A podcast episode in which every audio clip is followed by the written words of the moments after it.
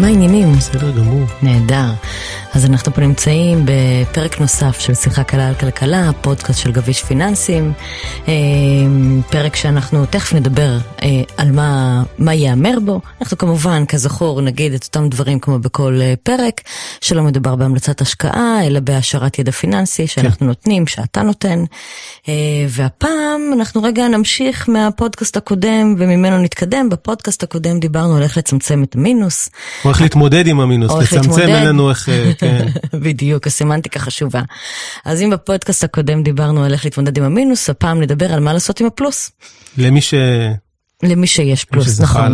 באמת הרבה אנשים מתנהלים עם יתרות זכות שהן נצברות מדי חודש ואין להם זמן להשקיע אותם או אין להם את הידע, או שהמילה בורסה בכלל מעוררת אצלם איזושהי תחושה של משהו מורכב, מסוכן, מפחדים לגעת בו. תחושה לא מוצדקת, אבל כן, מכיר את הטייפ. כן, אז הפודקאסט הזה מוקדש לכם, אותם אנשים שמתנהלים עם יתרות זכות ורוצים לדעת מה לעשות עם זה. אני אוסיף אפילו, לאלה האחראים נקרא להם, אנשים שכן... אומרים, אני לא אתנהל עם מינוס, אני אשמור יתרות זכות, ואני אחסוך כל חודש, ואני אדאג שיהיה לי קצת יותר, אבל נותנים ליתרות כאלה להיצבר להם, ובמחשבה שאי אפשר להרוויח על הכסף הזה. ו... בדיוק וזה לא המצב. ואז בדיוק על זה אנחנו נדבר, אנחנו נדבר על אה, שני מכשירים מאוד פשוטים להשקעה, קרן כספית ומק"מ. נכון, זה למעשה שני המכשירים שהם השכבה הכי הכי הכי סולידית והכי בסיסית של, של השקעה. כולם מכירים את, ה, את האחות הגדולה, את הפק"ם, אבל uh, בכוונה אנחנו רוצים לדבר על קרן כספית שצוברת תאוצה ועל מק"מ שזה מלווה קצר מועד של uh, בנק ישראל. כי אלה uh, שני מכשירי יסוד שהרבה פעמים יכולים להיות הרבה יותר טובים מהפק"ם ולא פחות uh, בטוחים ממנו. Uh, קרן כספית זה סוג של קרן נאמנות ש, שכבר מאז 2008 היא קיימת, היא, המטרה שלה בחיים זה להיות חלופה לפקדונות. והמק"מ, כפי שאמרתי, זה מלווה קצר מועד, זה הקיצור, שלמעשה מנפיק אותו בנק ישראל, אז ברמת הביטחון, אה, ברור שזה המוצר הכי בטוח בישראל, ואנחנו מיד נסביר, אה, נסביר אה, כל אחד, אבל הסיפור הגדול הוא שלא הכירו את זה ולא התייחסו לזה, כי בעשור האחרון היינו בריבית של אפס, אז גם הפקדונות היו באפס. בדיוק, עכשיו שה, שהריבית עלתה, אז אפשר לקבל ריביות יפות, רק שראינו בחודש האחרון כשהתפרסמו הדוחות של הבנקים, שהבנקים לא ששים לתת חזרה את הריבית אל האזרחים בפקדונות והריביות נשארו יחסית נמוכות, בטח למי שלא שואל שאלות, בטח מי כן. שנמצא עם 50, 20 או בטח מי שלא יודע. מי שלא יודע. כן, זה תפס הרבה כותרות בעיתונים, הבנתי שאפילו מתגבשת הצעת חוק לחייב את הבנקים לתת ריבית מינימלית על פיקדון, כן, כי, כי... שתיתן איזשהו מינימום, שלא תפחת מגובה מסוים. לזה אני קורא אה, להשתין מהמקפצה, מה שקרה עם הבנקים. הצלחתם, כן. הצלחתם קצת יותר מדי, הריבית עלתה חזק. במקום לגלגל אותה לפחות חלקית אה, ל, ל, אל, ה, אה, אל הציבור, הם פשוט אה, כמעט, נקרא לזה כמעט לקחו את הכל. וזה קופץ בעיניים, זה צורם בעיניים. אה, אבל אז אה, את יכולה לשמוע התבטאויות כמו של נגיד בנק ישראל שבוע בוועדת כספים שאומר חברים אתם לא חייבים ללכת לפיקדון אה, בנקאי. יש את הקרן הכספית נגיד בנק ישראל בעצמו אומר את זה המפקח על הבנקים אומר את זה. אומר חברים אתם לא חייבים ללכת לפיקדון יש אה, קרן כספית אז אם הם שולחים את זה למה שנקרא money market fund בעולם אה, אז כנראה שכדאי לשמוע ואנחנו פה בשביל אה, להשמיע. אה, אני מציע אבל שנתחיל מהמוצר הראשון הכי בסיסי. שזה המק"מ? שזה המק"מ. המק"מ, כפי שאמרתי, מלווה קצר מועד, זה מכשיר פיננסי שמנפיק אה, בנק ישראל, אז גם אמרתי את זה, ביטחון זה למעשה המוצר הכי בטוח במדינה, by definition. אה, הזמן לפדיון של מק"מ זה שנה. אה, מנפיקים סדרה כל חודש, אחת לחודש מנפיקים סדרת מק"מ, שתיפדה בעוד 12 חודשים. זה המכשיר אולי הכי נזיל בישראל, כל יום הוא נסחר בבורסה. ברמה יומית? ברמה יומית נסחר בבורסה, אבל עוברים מחליפות שם ידיים של עשרות ומאות מיליונים. זאת אומרת, זה הכי נזיל שקיים. אוקיי. Okay. ברמה של תקראי לזה פיקדון יומי. Mm-hmm. למכ"ם יש תכונה אחת מאוד מסוימת, שהוא תמיד מונפק בנגיד 90 ומשהו, ובסוף השנה אתה תקבל 100 שקלים. על כל 90 ומשהו שקלים שתשקיע, תקבל בסוף 100, זה נקרא מונפק בניקיון, מנקים כמה שקלים. Mm-hmm. והמשמעות היא שאם אני הנפקתי ב-97, ובעוד שנה תקבלי 100, אז קיבלת 3, אז קיבלת 3 אחוזים. כן, 3 אחוז. בדיוק, כשהריבית בישראל היא 3 אחוז, ככה דרך המקם אתה יודע מה הריבית. כשהריבית בישראל היא 3%, אז מקם יונפק ב-97. אם הריבית תעלה ל-4%, אז מקם באותו חודש יונפק ב-96. וכל יום תהיה זחילה כזאת, היא בערך, לא בדיוק, אבל בערך, נגיד אם זה 3, 3 חלקי 365, כל יום זה אמור לעלות ככה, ממש כמו פיקדון. כן. אז אה, זה, זה הסיפור על המקם, הוא לא צמוד למדד, והמיסוי עליו זה 15% מס על הרווח, כמו בפקדונות. אוקיי, ואיך אפשר לקנות אותו? כמה זה עולה? אה, למעשה קונים אותו דרך הבנק או דרך חבר הבורסה, זה נייר ערך לכל דבר אה, ועניין. אתה הולך לבנק, או יותר נכון באפליקציה היום, אתה משלם עמלה, וזה אולי הדאונסייד היחיד שאני חושב על מקם. היותר משמעותי, אתה משלם 0.1, 0.08, תתווכח, תשלם 0.05 בכניסה, ותשלם ביציאה. אבל אז זה גוזר על זה איזשהו אה, אה, חיסרון למקם, כי אתה לא יכול להיכנס היום ולצאת מחר. כי אם אתה תיכנס היום תגיד אוקיי זה פיקדון יומי נכון אבל לך זה עולה בגלל נכון, הבנק. נכון זה לא ישתלם. זה לא ישתלם לך כי אתה תשלם 0.1 בכניסה 0.1 ביציאה אתה תשלם 0.2 אתה לא תרוויח את ה-0.2 האלה. Mm-hmm. נזכיר היום אם הריבית היא 3 אז נגיד בחודש תעשי 3 אה, חלקי 12 תקבלי את ה... את הכמה את מקבלת כל חודש, את לא מקבלת, אה, את צריכה להמתין כמה זמן עד שהמחקם יהיה לך רווחי, לפחות חודש. כן. בסדר? אז מי שבאמת רוצה לסגור כסף לתקופה ממש קצרה, לא בטוח שזה נכון לו. לא בטוח שזה אה, נכון לו. אה, היתרון שלו זה שגם לא גובים אה, בגינו דמי משמרת על אה, קרנות נאמנות, על ניירות ערך בכלל. גובים דמי משמרת בבנק ולא לא מבוטלים של חצי אחוז, 0.6, 0.7. ולמעשה, כשאת קונה מקם, יש תקנה של בנק ישראל שאומרת על מקם, הבנק לא יכול לגבות דמי משמרת כדי שבאמת יישאר כמה שיותר לאזרח. אוקיי, okay, אז רגע, אם לסכם ממש בקצרה, אז המקם שייך לבנק ישראל, מה שעושה אותו יותר בטוח מפיקדון, הוא נותן ריבית כמו שנותן בנק ישראל, הוא נזיל, אפשר להיכנס ולצאת בקלות כל יום, אה, רק צריך לקחת בחשבון שהבנק גובה עמלת קנייה ועמלת מכירה, צריך לבדוק באמת אם זה כדאי. זה, זה, זה, זה מסכן את הדברים, זה אחד המכשירים היותר יעילים, דרך אגב, הקרנות הכספיות משתמשות בו, אבל זה מכשיר מאוד יעיל שחשוב מאוד מאוד להכיר אותו, זה הבסיס של כל מי שרוצה להשקיע, כי בסוף בפיקדון אתם מתווכחים איתך כמה אתה יכול להרוויח. כן, פה אין ויכוח. פה לא, ריבית בנק ישראל. ריבית בנק ישראל, give or take, כן, כן. פחות או יותר, אבל זה הכיוון, ואתה עושה את זה די בקלות. אוקיי, אז בואו נעבור ברק למכשיר השני, קרן כספית. כן, בוודאי. אה, הקרן הכספית זה קרן נאמנות, קודם כל. ולמה אני אומר זה קרן נאמנות? כי לקרן נאמנות יש נאמן. זה אומר שהמכשיר הזה גם עליו יש אה, כל מיני אה, עניין של ביטחונות או בטוחות על אופן הניהול שלו. זה מכשיר מאוד מאוד בטוח. קרן כספית למעשה מוגבלת במה שהיא משקיעה בו, היא משקיעה רק במכשירים קצרים. זאת אומרת, היא משקיעה במקם, שהוא למעשה אמרתי עד שנה, עד 13 חודשים, אבל לא משנה, עד שנה.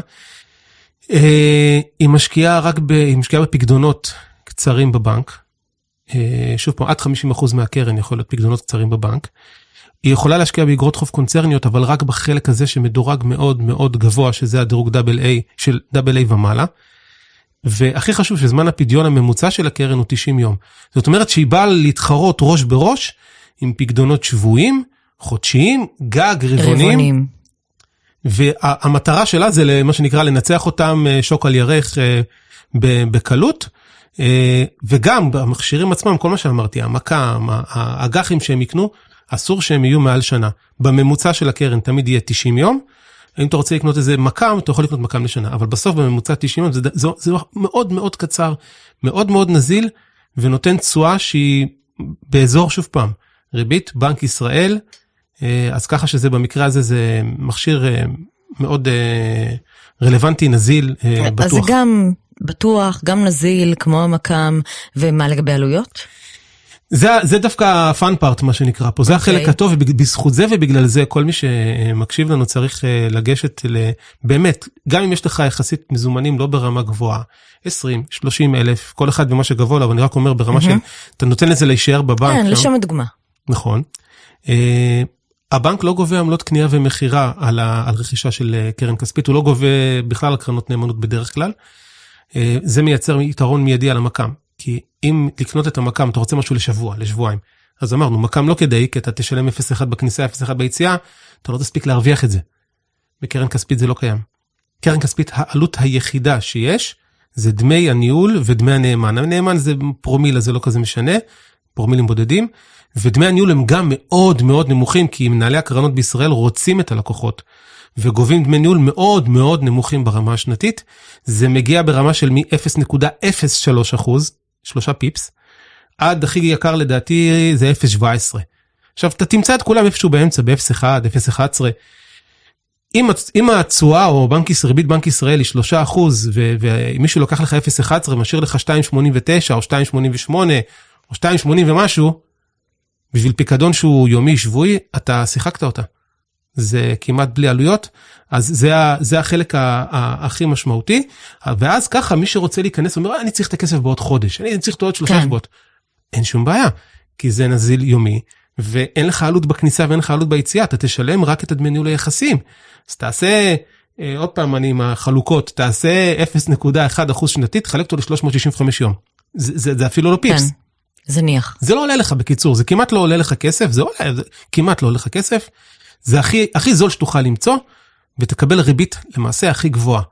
ורגע, ולמעשה כמה, האם יש איזה מינימום שאני צריכה שיהיה לי בחשבון כדי לקנות קרן כספית? זה עוד דבר טוב, לא, ממש לא. את יכולה שיהיה לך גם 5,000 שקל. קרנות נאמנות אתה יכול לקנות בשקלים.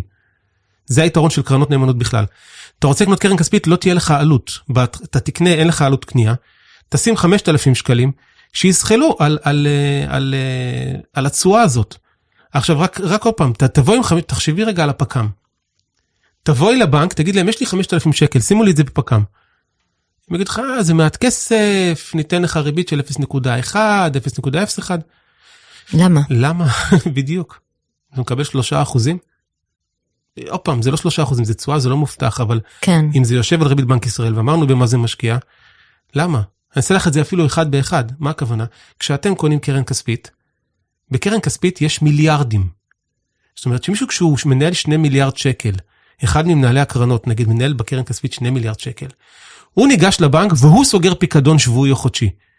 אתם חושבים שאתם יכולים עם ה-5,000 שקל או עם ה-100,000 שקל או עם המיליון שקל שלכם לקבל ריבית יותר טובה ממנו בבנק?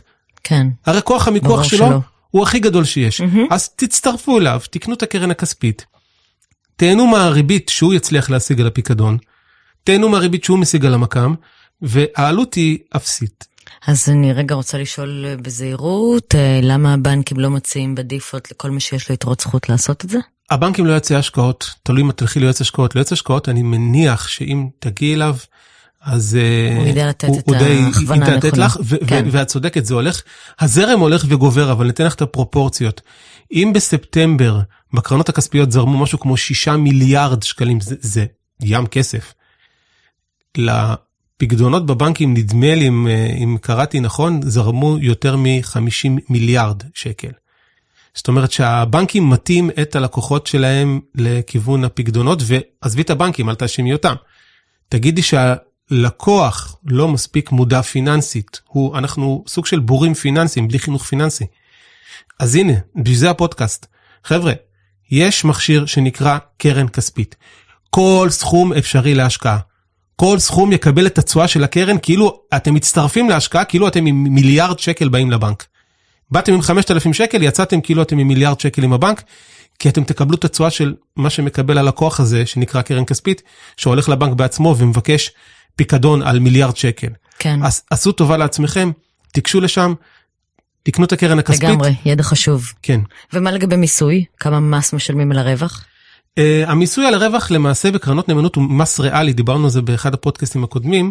Uh, זה מס של 25 אחוז על, על הרווח בניכוי אינפלציה, אבל בוא נדבר את זה בעברית. Mm-hmm. Uh, נגיד שבחודש הקודם uh, רוב הקרנות כספיות הרוויחו כמעט רבע אחוז, 0.25. אם האינפלציה בחודש הקודם הייתה בערך חצי אחוז, אז למעשה ריאלית אתה מופסד. אפילו שהרווחת רבע אחוז. אתה הרווחת רבע אחוז, אבל אינפלציה הייתה חצי אחוז, ריאלית אתה מופסד רבע אחוז, אין לך מס לשלם. משכת, אין לך מס לשלם. נגיד תרוויח חצי אחוז. תרוויח חצי אחוז, והאינפלציה בתקופה שהחזקת את הקרן הייתה חצי אחוז, שוב, אתה למעשה מורווח אפס mm-hmm. ריאלי, אין לך מה לשלם. כן. להבדיל מפיקדון או מקם. פיקדון או מקם, מה שהרווחת, את החצי אחוז או את הרבע אחוז הזה שהרווחת, 15% מתוכו הולך לתשלום. כן. עכשיו כל אחד עושה חשבון למה הוא חושב שהאינפלציה תהיה בחודשים הקרובים.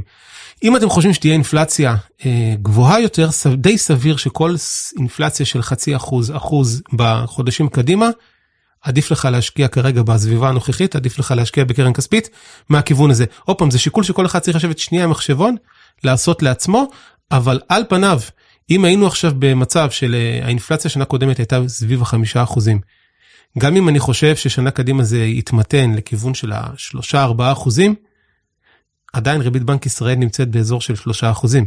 זאת אומרת, קרן כספית שנה קדימה, give or take, כן. אה, יש פיצ'ר כזה דרך אגב באתר פאנדר אפשר להסתכל פחות או יותר תחזית של תשואה שנתית זה רק תחזית אסור אה, באמת להגיד את זה.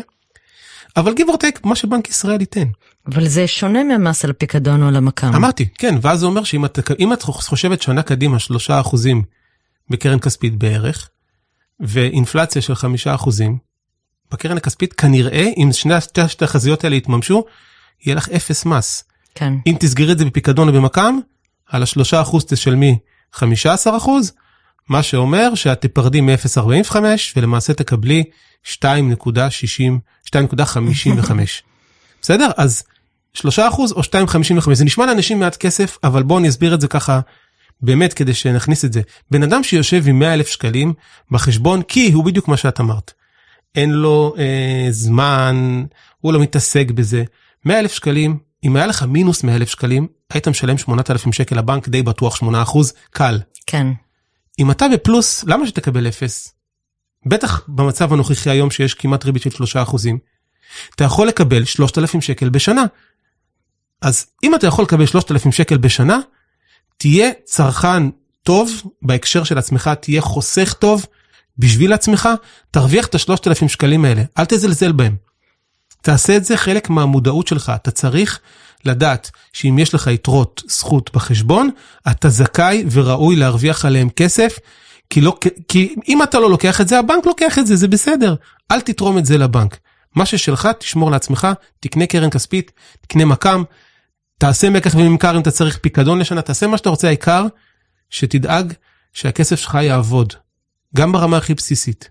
כן. וקרן כספית לדעתי, עוד פעם, זה הפתרון הכי מצוין, ואני נתלה לאילנות גבוהים, הנגיד השבוע אמר את זה. אבל זה, זה גורם לי לתהות, ברק, אין... אה, ברמה הלגאלית אין אפשרות להעלות את המודעות הפיננסית ל, ל, לדברים כמו שדיברנו עכשיו? זה לא יכול להיות, אי אפשר באמת להנגיש את המידע הזה בצורה יותר מסודרת? תראי, אני, אני חייב לפרגן פה לקולגות משוק ההון, אה, כולם כל מסות את זה. אתר, אתר פאנדר קודם כל אה, ממש דוחף ב, ב, כבר בשנים האחרונות, אבל בחודשים האחרונים ביתר שאת, בזכות זה שהריבית עולה ומנסה מאוד להנגיש את זה, אבל זה קהילה שנמצאת יותר ככה, מי שמכיר כן. את שוק ההון, ממליץ גם למי שלא מכיר את שוק ההון. תיגש לאתר, תראה את הדברים האלה, במיוחד על הקרנות הכספיות. המידע קיים. המידע קיים ו- ו- ונגיש. גם העיתונים הכלכליים אה, מנסים, דה מרקר, גלובס מדי פעם, אבל אני חושב שאת השירות הכי טוב עושים הבנקים דווקא. דווקא עכשיו. תסביר. כשאמרתי לך אה, מראש, הם עושים את המקסימום להרוויח, כן. וזה בסדר, אבל לפעמים כשזה בורח לך וזה מה שנקרא, אני קראתי לזה משתין מהמקפצה, כן. אז כן, אני יודע, את לא אוהבת את הביטויים האלה שלי, אבל uh, כשאתה עושה את הדברים האלה, אז זה עושה כל כך הרבה רעש, שלדעתי עכשיו... שגם אם לא התכוונת, נתת את השירות הזה. נתת את השירות הזה. דרך אגב, אם תגידי ליועצי השקעות, את ישר תקבלי את השירות הזה, זה לא סתם ששישה מיליארד הולכים, יועצי השקעות זה ייעוץ אובייקטיבי. אין שום בעיה, ברגע שיגיע לקוח עם 50 אלף שקל, 100 אלף שקל, גם אם לא יעצו לו, יגידו לו, תקשיב, יש קרן כספית, אתה יכול לקבל פיקדון, לא יודע מה, איזה ריבית כזאת יחסית נמוכה, בקרן כספית אתה לא צריך להתווכח עם אף אחד, פשוט דרך האפליקציה תקנה.